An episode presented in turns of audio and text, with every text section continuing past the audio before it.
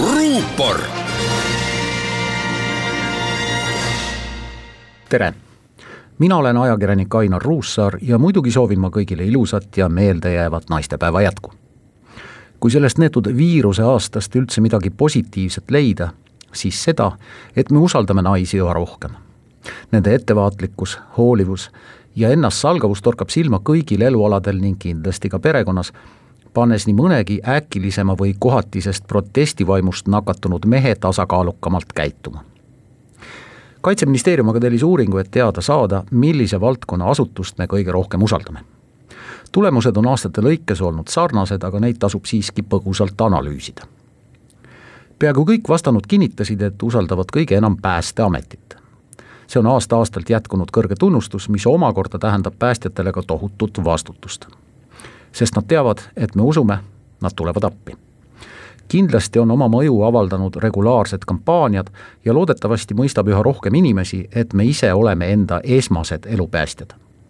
selleks, et päris päästjad saaksid aidata juhul, kui inimesed ise enam aidata ei saa kahjuks peaaegu igapäevaste traagiliste teadete kõrval aitavad sellele usaldusele kindlasti kaasa hoopis teistsugused uudised. üks pealkirja näide tänasest uudistevoost kõlab nii päästjad aitasid jääauku kukkunud koera kaldale. endiselt on kõrge ka piirivalve, politsei ja kaitseväe usaldusväärsus.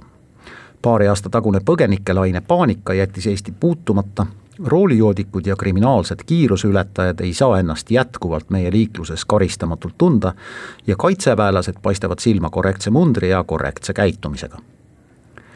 kõige vähem usaldavad meie riigi elanikud kohtusüsteemi, Riigikogu ja valitsust nende toetus jääb viiekümne viie ja kuuekümne protsendi vahele. kohtute usaldusväärsus võiks olla muidugi suurem, aga parlamendi ja valitsuse toetus ongi üllatavalt kõrge.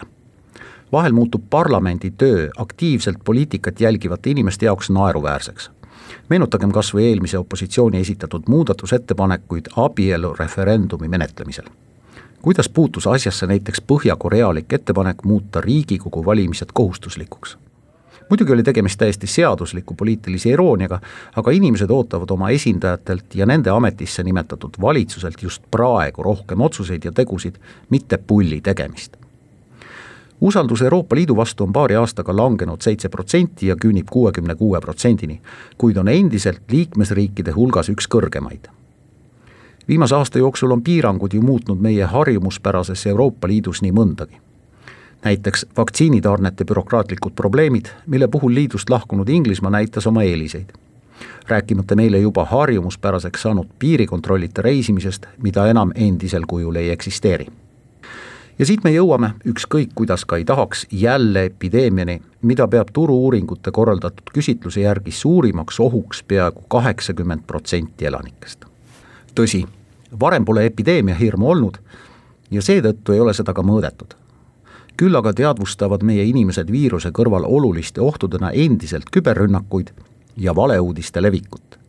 see viimane on viimastel aastatel üha kasvanud ja koroona võltsuudiste ja lauslolluste levitamisele hoogu juurde andnud.